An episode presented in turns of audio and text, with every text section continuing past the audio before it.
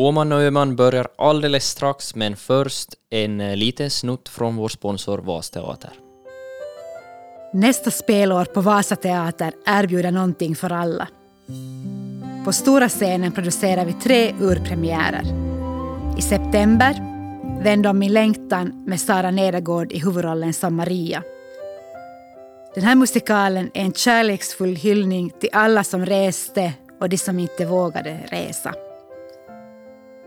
Från och med november spelar vi den svarta komedin Solchanser av och med Johan och Siri Fagerud. Det blir tragikomiska situationer präglade av vardaglig besatthet. I mars kan vi som den första teater i världen erbjuda handbok för superhjältar.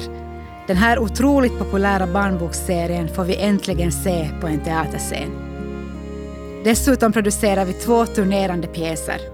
För vår yngsta publik erbjuder vi klassikern Kejsarens nya kläder som spelar på daghem i Österbotten.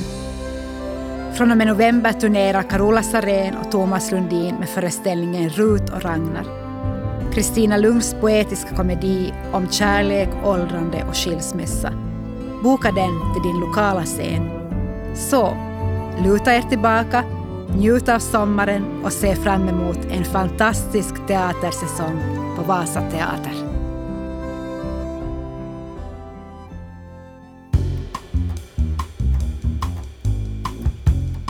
Det här är Vasabladets Österbottens tidnings kulturpodd Åman och Öman. I dagens avsnitt har vi tänkt tala om ett antal nyutkomna dokumentärserier. Yes. Spännande. Jag tycker jättemycket om dokumentärer. Vi har pratat ganska lite om dem. Det har vi gjort, ja. Nej, inte så mycket. Eh, vi har båda sett den här tredelade dokumentärserien Visi Valittua, eller First Five, Mm. som släpptes 9 juni och handlar om vår förra regering. Mm. Och vi har kollat lite om influencers Ja. i olika omvarv under Mm. våren nästan. Jag Ja. tänkte snacka om och jag är väldigt inne i sportdokumentärer Just just, nu. Mm. Så, Så det blir lite lajdaste lajdan. mhm. Men vi börjar med politiken va? Ja, vi gör så. Nåja, alltså i First Five så har de här filmerna följt um, Anna-Maja Henriksson, Li Andersson, Annika Saarikko, Sanna Marin och Maria Ohisalo under några år. Som visar sig vara några krisår i politiken med både pandemi och krig. Men eh, vad tyckte du om serien? Om vi börjar där. Jag såg det med ganska stort intresse i en sittning, Mm. vilket jag tror var bra. Ja. Eh, Det är ändå bara tre avsnitt gånger en halvtimme ungefär. Mm. Um, sedan, jag, jag lämnar med en sån här känsla, jag var ganska imponerad av att alltså vilka tider vi har genomlevt Mm. och vad, vilket jobb de här faktiskt gjorde och Mm. Vad de fick på sitt bord. Att, ja, de orka och klara av det. Mm. Och, och jag tycker klara av det ganska bra faktiskt. Eh, och jag var också så det stolt över Finland som progressivt land. eh, hur vi hanterar pandemin och hur NATO-ansökan och allt sånt här och just den här eh, kvinnliga regeringen då främst. Eh, så kändes som stort, men sen ganska så det dystert när man ser på hur läget ser ut idag med regeringen vi har fått nu som är Ja. superhöger eh, och, och som tar... Alltså den här pendeln har svingat så tydligt Ja, den här ja, gången. stort. Ja. Mm. Så, så ja, sånt rent politiskt då som lämnar jag att reflektera över. Mm. Men som dokumentär har den ju inte lämnat jättestarka avtryck, Nej, inte, tycker nej, jag. nej. Eh, jag hade hoppats på mer. Jag skulle vilja ha med så här flugan på väggen material, att de Ja. har filmat i som riktiga situationer, Precis. mötesrum, eh, sam, viktiga samtal, alltså Mm. bara en känsla av att man var mer med där det händer. Mm. Nu fick vi allting återberättat för oss och väldigt upputsat. Och i väldigt så här intervjuer bara med filmaren. Jo, det fanns ju nog när Annika, Annika Saarikko gick och bar på ved och Ja. Anna-Maja Henriksson kollade ut över Feboda Ja. och sådana där klippbilder för att göra det lite intressantare att se Ja. på. Men eh, eh, det blev så intervjustyrt. Mm. Och jag fattar ju det. Alltså, jag skulle aldrig vilja fatta de beslut de gjorde. Det är väl knappt ens lagligt att ha ett filmteam Ja, där. precis. Nej men alltså att, att det är är klart det är problematiskt. Att, men jag hade för höga förväntningar. Jag, hade- Ja. jag hade hoppats på en, en lite mer så det HBO-nivå dokumentär Mm. Ja. och eh, lite mindre, nu har Yle fått en förlängd intervju. Ja, precis. Ja, nej men ehm, jag blev också som tagen av det andra avsnittet när man slängdes in i de där åren av pandemin. Man har som ändå hunnit glömma på den här korta tiden. Jätteaktivt. Jag blir lite fascinerad av hur mycket jag har som struntat i att det har hänt. Ja. Ja, ja, japp. Um, alltså, första avsnittet tycker jag var intressant för att då fick man som en inblick i deras bakgrund och varifrån de kommer och, och de hade ju liksom, majoriteten av dem har inte vuxit upp med en pappa till exempel, att de har vuxit upp kanske med en ensamstående mamma eller att uh, som också har varit ensamförsörjande, så det tycker jag var intressant att det var någonting som Ja, det var, det var en bra spin och det kändes som det som var som nyast Mm. kanske i det här. Att Ja. man lärde känna dem lite mer och fick en insyn i deras politiska engagemang och kanske Mm. varifrån den här initiativförmågan rent av har kommit också. Mm. Eh, Så det tyckte jag definitivt var bästa Mm. delen av det. Och just sådana andra avsnitt, man fick liksom en återblick då till de här coronapandemin och hur faktiskt samhället stängdes ner. Och det har man som, eller jag har glömt det nästan. Mm. Jag, jag började som, när jag såg de här eh, beredskapslagen råder, eh, pressisarna Mm. i den här dockaren så, så fick jag också som flashbacks till var jag satt i Ja. vår lägenhet i, i Vallgård i Helsingfors då. Eh, och så det när man inte sitter på soffan utan man sitter på en pall framför soffan för att som var mer med. Mm. Eh, så minns jag, jag satt och, och den, den känslan kom som starkt tillbaka när jag såg det här. Och sen också en, en, en annan som när det här Ukraina-kriget eh, bröt ut och de pra, pratade om det och vi visade lite arkivmaterial från det och så fick jag den här samma känslan. Så jag tror väldigt många, alltså, fram, alltså alla blev ju starkt påverkade av det, men, men jag, alla män som har svurit fan i den och kvinnor för den delen också, men jag har bara pratat med män som har gjort det och gått alltså militären, som den här veckan, veckorna efter att kriget bröt ut, vilken som allvarskänsla det var alltså, och ganska stor oro och ångest. Mm. Eh, att jag, jag satt, minns jag satt som med min byggar eh, som byggde vårt badrum då Mm. och vi, vi pratade om var hamnar vi ifall det händer. Alltså att han hade till och med ringt och kollat sin krigstida placering. Alltså att som den här nivån av oro fanns ju. Och den, den tog jag också Ja. tillbaka jättestarkt. Så, så någon, någonting lyckades ju som ändå röra om och potta i lite. Mm. Ja. Jag tyckte att det här sista avsnittet blev lite, ja det blev lite platt. Eh, alla sa typ samma sak, någon måste ha ledarrollen. Det kan vara du, du kan bli en del av, av Visikko, nästa Visikko. Ehm, men jag tyckte också bra att- hur de lyfter fram att det går att skaffa barn och leda ett land, men, men det ska vara självklart i det här skedet. Ehm, flera av de här ministrarna, ministrarna fick ju barn under regeringsperioden. Mm. Eh, och det säger, att, det säger i serien att det inte, innan deras regering så var det inte tänkbart. Nej. Nej, och det, det, det, det är ju helt, helt sant. Och i internationell kontext är det förstås eh, Ja. eh, inte alls någon självklarhet. Så man fattar ju att det har fått uppmärksamhet på det viset. Mm. Men sen tycker jag att det var lite sån här typisk dokumentär som ska lyfta feministiska frågor. Det, det kämpar de ju Mm. för hela tiden för att lyfta perspektivet. Mm. Men ändå inte tyckte jag nådde riktigt fram. För sig, alltså, eller är som så tvegat svärd det här Mm. att man vill lyfta fram att du kan vara politiker och mamma. Ja. Eh, men samtidigt när du lyfter upp eh, lite för mycket så blir det som eh, då är det som den fokusen endast. Mm. Och, ja, jag, jag- har svårt att, att formulera men det är någonting som skaver där att, att det Mm. känns som att man lägger som plötsligt då för stor vikt på Mm. det. Det blir som för tungt, eh, att man lyfter upp det bara Ja. reducera kanske också Mm. till att Ja, eh, för det var någonting de ständigt kom tillbaks till Ja, absolut. också. Ja. Ja. Alltså de, de, eh, alla lyfte upp väldigt mycket hur, hur fo, när, alltså när de bildade regeringen. Det, det blev mycket mediebevakning och fokus på att det var en kvinnoledd regering och de var unga. Ehm, eller yngre än genomsnittet inom politiken. Ehm, och förstås är det ju historiskt. Men det blev ju också som väldigt förminskande eh, att som politiker, eller vem som helst, att bli förminskad till sitt kön. Mm. Och här var det ju lite att, att, att de lyfte upp det i dokumentären, men lyfte upp de det för mycket. Ja, alltså lite lämnar jag och funderar på det. Samtidigt som när, när jag såg det så, när jag kanske tänkt på det, men då upplevde jag inte som att det var alldeles för mycket. Men, men i efterhand så har jag tänkt att det kanske var, jag tror jag, var, jag saknar som mer eh, stuff, bättre material helt Mm. enkelt. Att som dokumentärmakare skulle jag nog ha varit lite irriterad på att man, man var så bunden till de där intervjuerna. Mm. Och, och då blir det, alltså jag tycker de var ju mindre politiker än vad de är ofta. Ja, Eh, De var mer mänskliga och, som, och, och de här intervjuerna var också lite annorlunda ska man Mm. säga, en sån där Perus eh, politikerintervju. Men, men nog ändå, ja, ränderna går ju inte ut så lätt inte. nej. Och det, den här dokumentären har kanske inte fått den internationella framgången som de hade önskat. Eller som man kanske hade trott. Mm, nej men det är jag inte så förvånad över, Mm. för att det skulle ha behövt vara någonting mer rafflande då. Ja. Att jag tror säkert ett marginellt intresse hos politikintresserade och väldigt informerade världsmedborgare har hittat Mm. i den här. Men, men i streamingutbudet idag eh, så har det nog svårt att, att sticka ut ändå.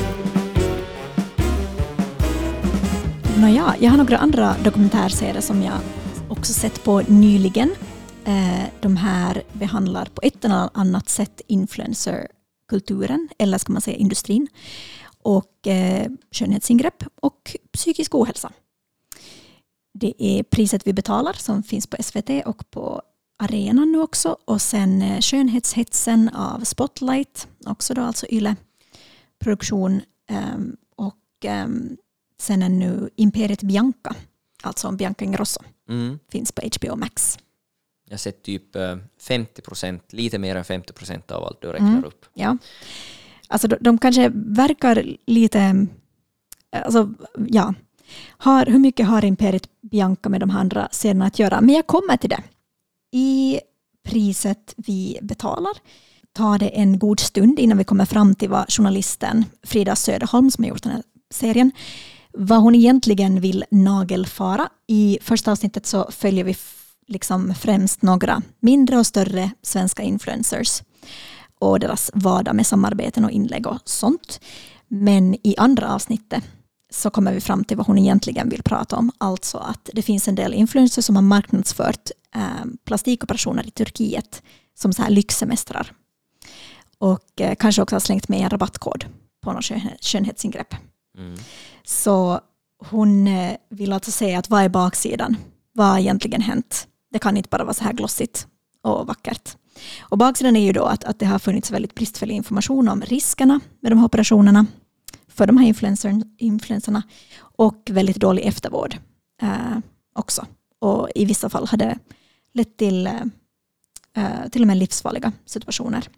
De här medverkande så de ångrar framför kameran att de har liksom eh, inte varit mera öppna med de negativa sidorna Mm. för sina Ja. följare.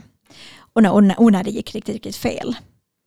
Men jag tycker den lite faller på att hon lyckas inte riktigt komma under ytan på den här influencer-kulturen. Ska du komma under ytan på influ- influencerkulturen, att det är som, de släpper ju inte in Nej. annat än vad de vill visa. Även Mm. om de, en influencer som eh, är väldigt personlig och öppen med eh, problem och så, Mm, mm. så är, är- det är ju inte en negativ sak, det är snarare en positiv sak. Mm. Men det är ändå sån där vad de vill ge ut. Att Mm. det, det här livet de säljer är ju som sist och slutligen en stor del av, eller som produkten. Mm.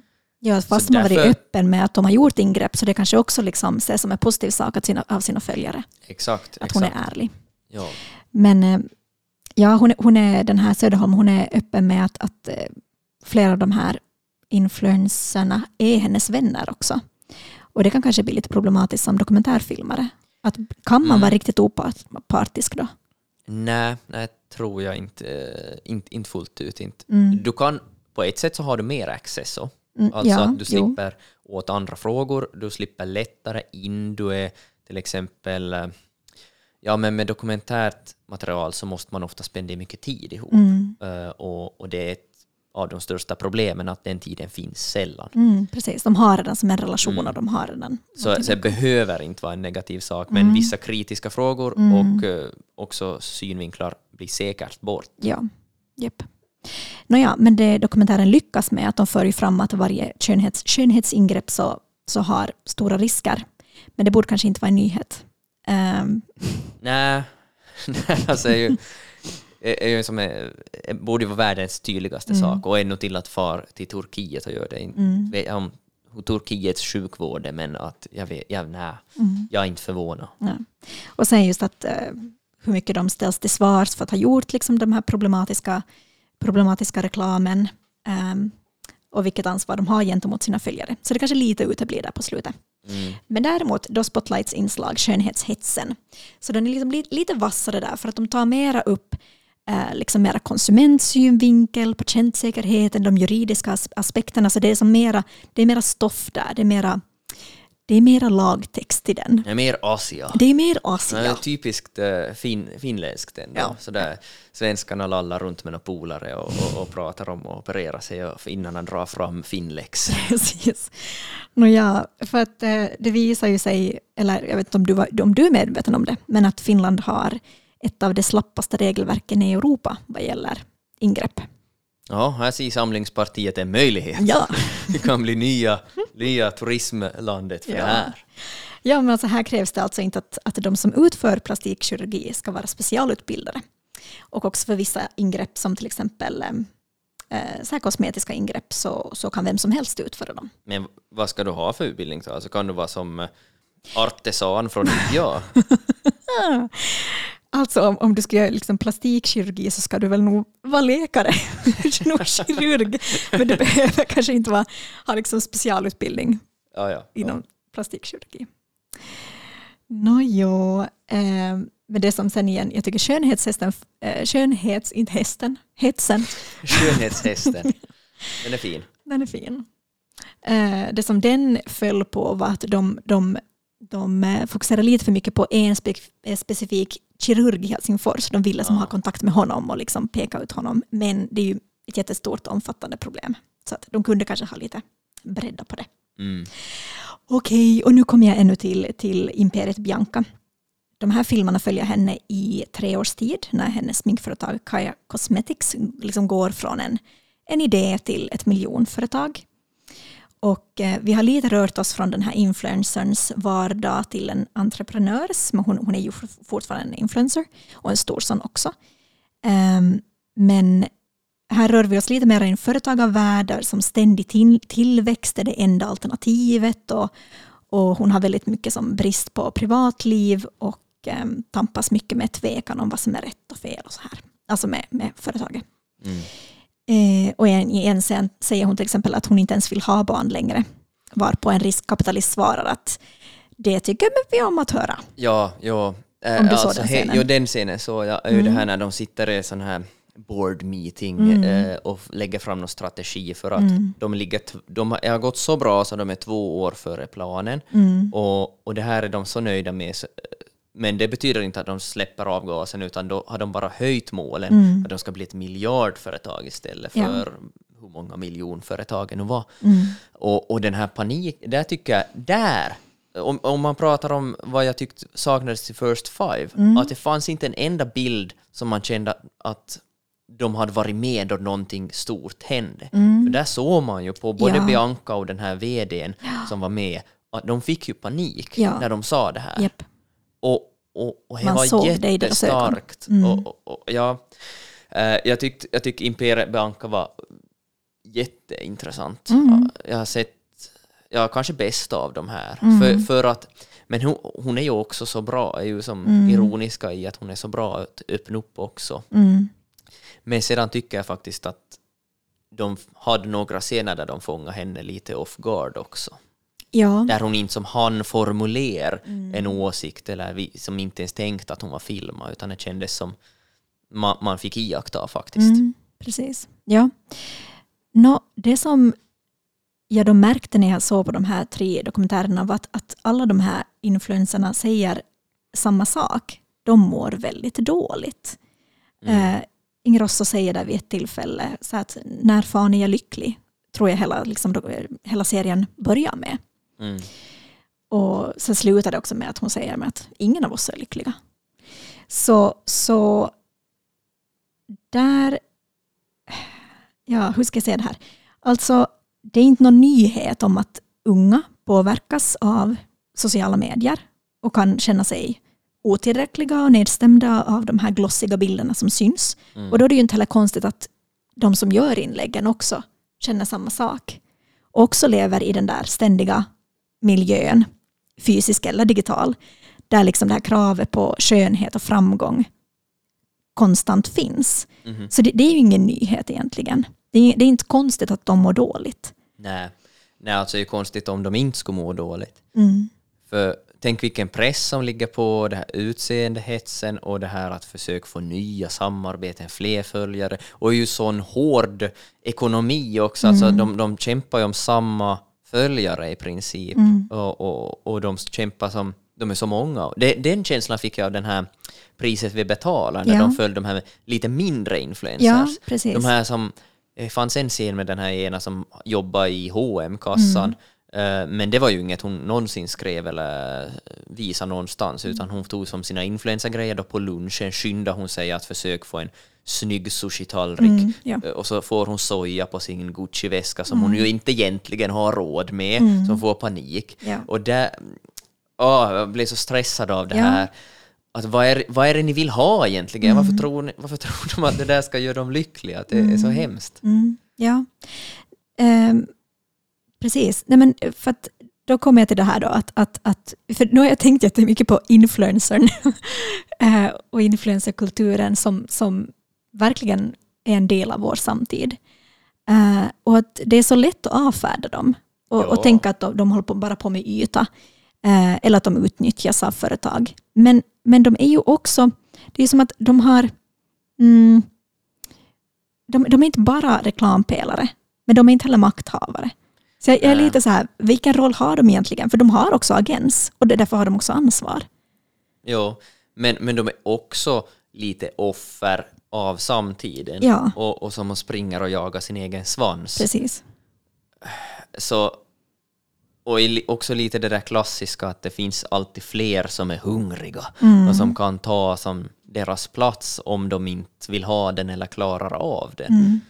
Mm. Eh, och Och så finns det ett, mycket, ett väldigt stort hat mot dem, vilket kom fram då i Bianca-dokumentären. ja, verkligen, ja, det är också obehagligt. Men att, att det blir ju som... Nej, eh, Mm. Jag tycker det var en väldigt, väldigt mörk dokumentär, den här Mm. Imperiet Bianca. Man bara... Alltså man bevar ju, hon kommer ju att krasch något enormt hårt. Mm. Alltså det är oundvikligt att hon gör det. Mm. Så också någon video med när hon pratade om att hon sover ingenting, att hon hade sovit en, hon hade gått och lägga sig fyra och sovit en timme mellan sju och åtta och hon var upp och igång igen och Mm. var bara så lycklig över sitt liv och eh, så, allt är så bra nu. Ja, nej, men det är det jag menar, att just den här gränsen mellan deras eh, arbetsliv och privatliv, fritid, att den suddas ju ut och det är också någonting som kapitalismen vill. Mm. Ehm, för jag tänker liksom att de är nog ett, ett symptom på, på den marknadsekonomi som vi har. Eh, Just det här livet som många av de här mindre influencers strävar efter, alltså att vara ekonomiskt oberoende som Ja. Bianca Ingrosso, det är ju liksom överensstämmer väldigt väl med, med vad man ska eftersträva Jo, i det här ekonomiska systemet som alla vi har. Ska, ju- alla skulle vilja vara det, nu, Mm. men, men att, att många, ja, man blir ju inte Bianca Ingrosso för att man har lite följare och några samarbeten. Nej. Ja, nej men jag- jag, är lite ofärdig i min tankegång, men att ja, jag tycker att det mm, Ja, men jag, jag att tycker... fundera över influencern och vem, vem är den? Ja, Intressant. men det kan du, kan du spendera ett år Ja. att, eller mer och doktorera om eller göra en hel dokumentär själv också för den delen. Alltså att, att det finns massor att säga om det här Mm. eh, för att det är någonting verkligen stort i vår tid Mm. som vi, tror jag inte riktigt vet hur det påverkar allt kring oss ännu, alltså på längre Nej. sikt Nej, också. precis. och vart är vi på väg? Att Ja, Blir det här bara värre och värre? mm, precis. Och just, för just nu så är det ju en väldigt stor del av det dagliga flö, flödet för väldigt många unga. Mhm. Inte bara unga tjejer utan också unga killar. Så hur kommer, hur kommer det liksom påverka dem i framtiden? Mm. Och, och var drar du gränsen för unga också? Nu tror jag det är väldigt, väldigt många som äldre också som följer de här.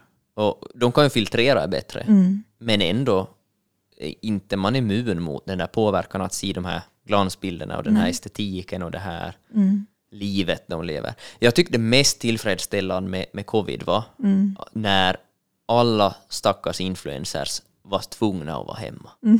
Fy fan vad de fick panik alltså. Yes. Ja, Ja. jag minns, jag minns eh, jag och sambo satt och kollade igenom några influencerkonton där ganska tidigt på den här 2020-våren Ja. och var helt sådär, de vet ju inte vad de ska göra med sig. Alltså. Okej. Mm. Och kändisar för den delen när de sjöng Imagine och skämde ut sig eh, och över Zoom och sådana Mm. saker. Att de som levde på uppmärksamhet och att det alltid händer något, det är alltid som dyra resor och, Mm. och, dyra restaurangbesök etc. Så det som deras liv var innehållslösa plötsligt. Jag läste här inf- inför det här avsnittet att, att ehm, det här fenomenet Snapchat dysmorphia blev Mm. mycket större under eh, pandemin. Eh, det är alltså att eh, väldigt må- eller som un- unga kom till plastikkliniker med en selfie, en retuscherad selfie och sa jag vill se ut så här. Och, och, och att det ökade under pandemin för man ville se snygg ut på de här distansmötena och så. Ja, herregud. Ja. Ja. Men inte kan man ju ha distansfilter, alltså så sporta folk alltså med att ha filter i möten. Nej, men jag tror att de ville se bättre ut på distansmötena. Ja, ja, ja, okej. Mm, för jag tänkte det, om allihop satt med en sån Marge Simpson-peruk eller eh, stjärnögon så är ju inte så diskret. Nej.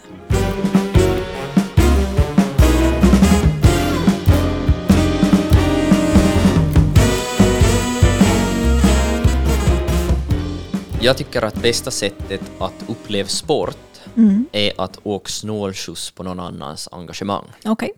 Det här är säkert en hel del sportkillar som, och tjejer för den delen som absolut inte skulle hålla med mig om det. Men ehm, jag följer inte egentligen någon uh, idrottsgren slaviskt. Mm. Enda jag följer är nu i två, tre år har jag kollat Tour de France. Ja. Sen jag blev som mer intresserad av cykling. Och vad, som, är det, när, vad, vad kommer först, hönan eller ägget? Att jag började som sie för att jag var intresserad, så blir man mer intresserad för att man ser det. Och, ja, är, är lite mysigt tycker jag att ha någonting att följa sådär. Mm. Stora mästerskap kanske jag också följer, typ eh, fotis-EM eller VM om det är ett bra år. Eh, fö- Följer du någon sport överhuvudtaget? Mm. Curling. Nej, jag skojar. Absolut ingenting. Jag gick så på, du ska hålla den där längre. Ja, ja men, mm, jag, jag är inte jättechockad. Men vi, jag, jag tänkte nog på inför det här avsnittet att vi är, som, vi är såna kulturtomtar vi Verkligen, ändå. ja. Eh, Att, att jag tror ingen är förvånad att vi, att vi inte har som en Nej. Manchester United-tatuering på låret. Nej, lite följer jag med eh, det som min, min man tittar på. För han, han håller på med klättring och paddling och sånt. Så att han brukar någon se på någon så här klättringsdokumentärer, eh, serier. Ja, men men då, då, då, är, då är vi in på rätt sak. Ja, ja, ja, För jag tycker ju att det är bästa sättet att Ja. följa med eh, en sport. ja. Jag har också extrem höjdrädsla, så jag tänker att det är som helt bra för mig att se på Ja, sånt. absolut. Ja. Ja, har du sett den här um, som var en Oscar för något år sedan, den, när han klättrar free solo? Ja, Free. Solo, den, ja. Ja, det, horribelt, jag svettades det, var, det var nog hemskt. Men så bra. Mm. Det handlar om en alltså som bestiger ett, eh, ett av eh, USAs, jag nu inte ska säga högsta berg inte, men Ja, det, men det är en sån här klassisk, ja, en sån här klassisk uh, rutt att klättra. Men han gör det solo, alltså att Ja. han har inga säkerhetsgrejer alls. Mm. Ja, se den. Men jo, det jag tycker det här är bästa sättet att se sport för att man åker som... Man, man hamnar in i alla känslorna utan att behöva investera massa, massa tid Mm. själv. Och, och är ju alltid fascinerande att som följer med någon annan som brinner för någonting. Mm. Det är ju därför dokumentärer om olika passioner, må det vara sport eller någonting Mm. annat, ofta är så bra. Ja. För att man, man blir investerad när någon annan bryr sig tillräckligt mycket. Mm. Eh, och, och just sportdokumentärer så, så har ju den här naturliga dramaturgin. Det finns en tävling eller en match eh, och där finns spänning. Hur ska det gå? Och är uppladdning och är efteråt och är förstås under tiden.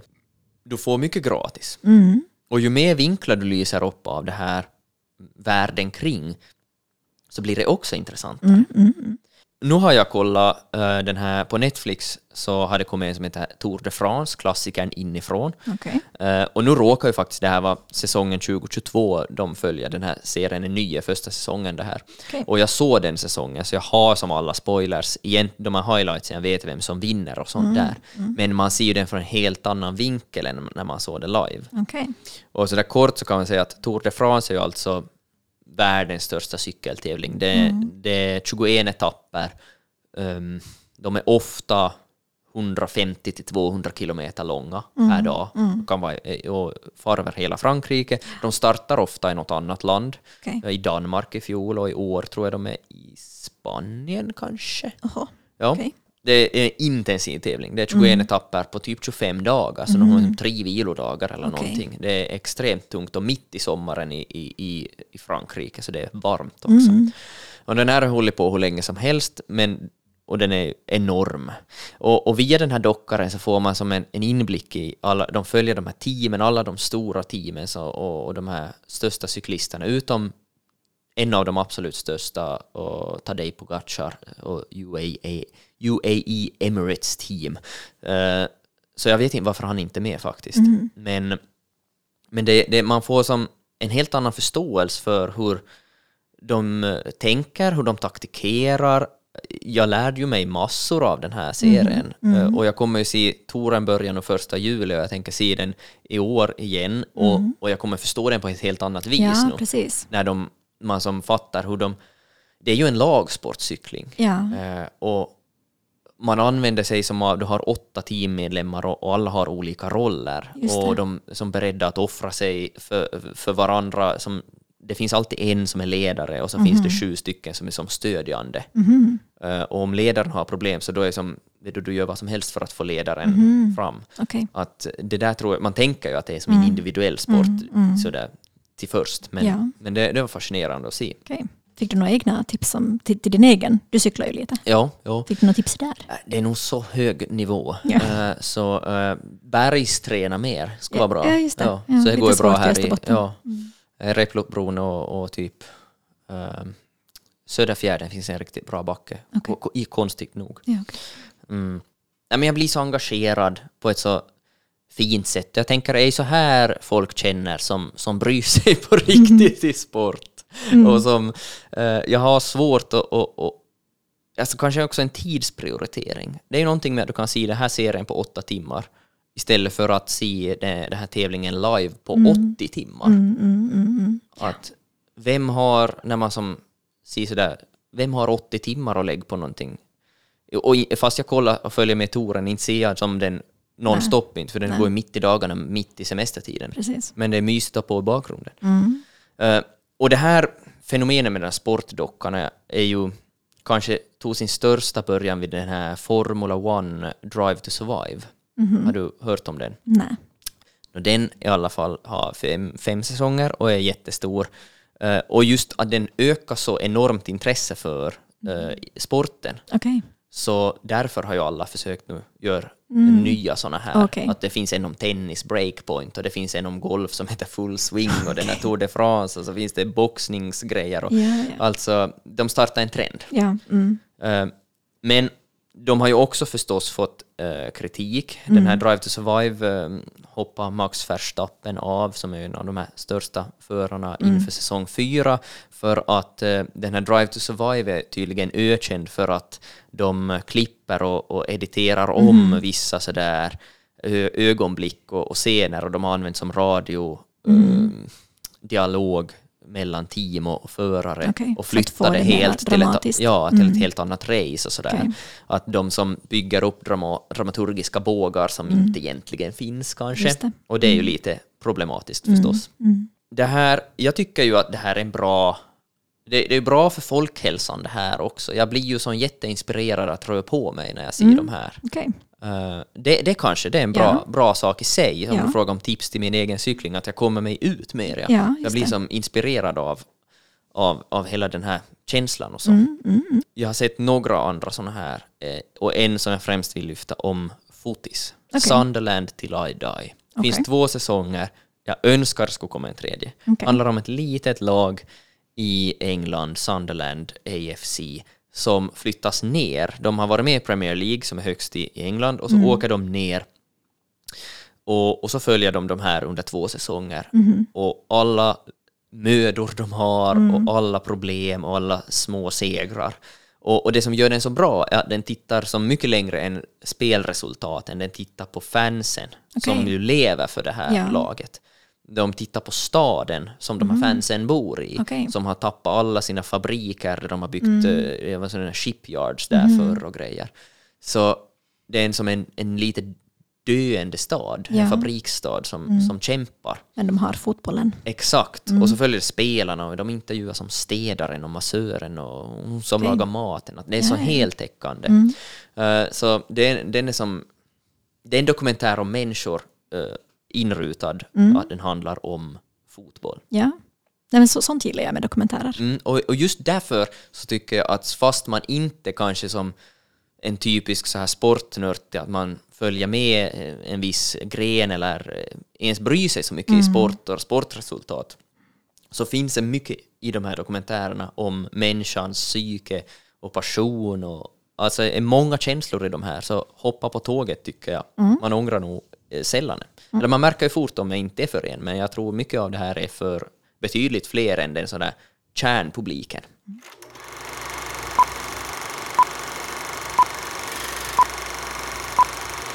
Har vi några tips? Vi har ju gett väldigt många tips på dokumentärer. Men Ja. Har vi några andra tips? Mm, jag kör vidare på dokumentär Okej. idag faktiskt, men jag kör i poddform. Okej. Eh, Kristallsjukan på Spotify Doc. Okej. Den tycker jag var jättefin. Det var tre avsnitt om eh, där det, de granskar den här boomen med helande kristaller och såna här, Ah. deras påstådda energier och Okej. sån här, ja. Eh, nu finns det ju folk som tror på, jag är ju fruktansvärt stor skeptiker till det här, så därför spelar den här rätt in i mitt hjärta. Jag är bara ja, break it down. Nej, men, men jag tycker de gör det bra. De är inte alls lika dömande som jag är. Eh, De är nog skeptiska i det, men ändå öppnare sinne. Eh, Och, och följer som går på några ret- yoga-retreats med kristaller och de pratar med dem som tror på det och, tror på, eller, och pratar med dem som upplever att de har fått en stor hjälp av det här och, och, och, där, och ta, kolla på den här andliga aspekten lite. Men också så far de till, och, eh, jag tror det var något, eh, som flera månader sedan jag lyssnade, men jag tror det var något afrikanskt land där de bryter det här kristallerna i en gruva. Okej. Och, och då ställer hon en så relevant fråga att när börjar egentligen den här kristallen man köper för att bli rik och lycklig? När börjar effekten? Ja. Börjar den i Stockholm då du köper den Ja. för hundratals euro? Eller börjar den eh, för den här stackars gruvarbetaren som står och hackar fram den barfota med risk för ett gruvras? Mm. ja, det är intressant Det är jättebra att de fråga. fick med det. Ja, så eh, jag rekommenderar den till eh, både skep- skeptiker och eh, troende. Nice. Eh, jag tänkte tipsa om ett koncept. Jag och min bokklubb hade nyligen en öppen bokklubb. Att vi hade som att, att folk som inte egentligen är med där så fick komma med. Att vi läste alla samma bok och så, som vi brukar så pratar vi om den. Men jag tänkte som ett tips liksom för sommaren att, att man kanske kan, om man, om man inte orkar starta en egen bokklubb så kanske man med lite vänner kan ha som ett tillfälle. Att man väljer att nej, men under den här sommaren ska vi läsa den här boken. Den och sen lo- så, Lommaboken. en Lommabok. Och den, den, den ska vi sen träffas i slutet av sommaren och prata om. Det tycker jag. Men då tackar vi för idag. Ja, det gör vi. Och så hörs vi om två veckor. Det gör vi. Hej då.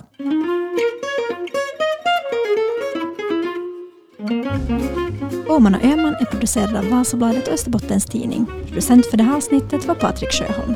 Är du intresserad av mer kulturinnehåll kan du gå in på vår app eller sajt vasabladet.fi och klicka in här på kultur.